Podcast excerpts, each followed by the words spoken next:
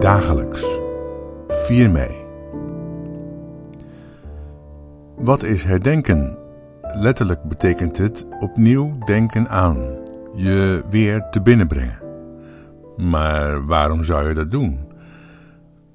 Over het algemeen weten we dat we van de geschiedenis vrijwel niets kunnen leren. Ten eerste weten we niet wat er werkelijk is gebeurd, niet toen de tijd en ook niet vandaag de dag. Zo heb ik begin maart in een preek hier in Drachten al mijn twijfels geuit of het coronavirus werkelijk van een maffenmarkt in Wuhan afkomstig is of dat de wet van Murphy geldt die zegt alles wat mis kan gaan, gaat een keertje mis.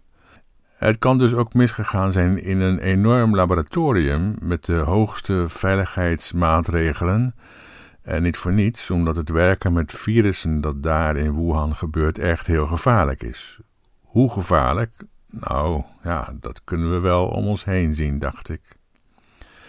Dus we leren niets van de recente geschiedenis en daarom ook niet van de geschiedenis die al 75 jaar oud is. Waarom doen we het dan? Uit respect voor de mensen die hun leven hebben gegeven om de vrijheid die we genieten te bevechten? Dat lijkt me een hele goede reden. Vooral morgen, op de dag van de bevrijding. Waarbij ik wel hoop dat we die vrijheid niet vanwege dit virus binnen een paar weken opgeven en gevangen raken in wetgeving die gebaseerd lijkt op de gedachte: hoe houden we dit volkje zoveel mogelijk in de smiezen en in de tang? Ik vertrouw Rutte wel hoor, maar of ik die wetgeving ook vertrouw. Wat nu als Forum voor Democratie de volgende premier gaat leveren, wil ik dan nog steeds mijn gebrek aan vrijheid in zijn handen zien? Ik niet. Dus het komt er morgen wel op aan, de dag van de bevrijding. Gedenken, wat is dat? Jezus zegt bij het vieren van het Pascha, dat bedoeld is om de bevrijding te gedenken, de bevrijding uit Egypte, uit het slavenhuis, uit het angstland, daar waar je het Spaans benauwd krijgt, zeg maar. Jezus zegt bij het vieren van het Pascha: Doe dit tot mijn gedachtenis. In het Nederlands kun je niet horen of Jezus bedoelt de gedachtenis aan mij, dus doe dit om mij te gedenken, of dat hij bedoelt de gedachtenis van mij. Dus weet dat Pascha vieren vanaf nu betekent dat ik aan jullie denk. Doe dit tot mijn gedachtenis. Doe dit om te weten dat de Messias van Israël aan jou gedenkt. Gekke gedachte, denkt u misschien. Dat zou kunnen omdat u het zo nog nooit gehoord heeft. Maar het Grieks heeft hetzelfde als het Nederlands. En zoals Lucas het opschrijft in het Grieks kun je ook niet uitmaken of het betekent doe dit om aan mij te gedenken of doe dit vanwege mijn gedenken aan jullie.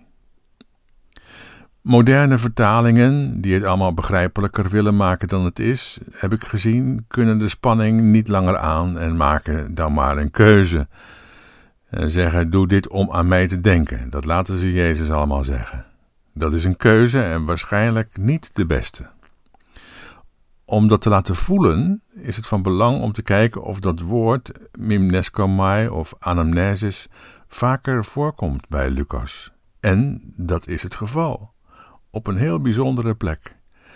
Aan het kruis vraagt een van de medegehangenen een opvallende vraag op deze dag van herdenken. Hij vraagt: Gedenk aan mij als gij in uw koninkrijk komt.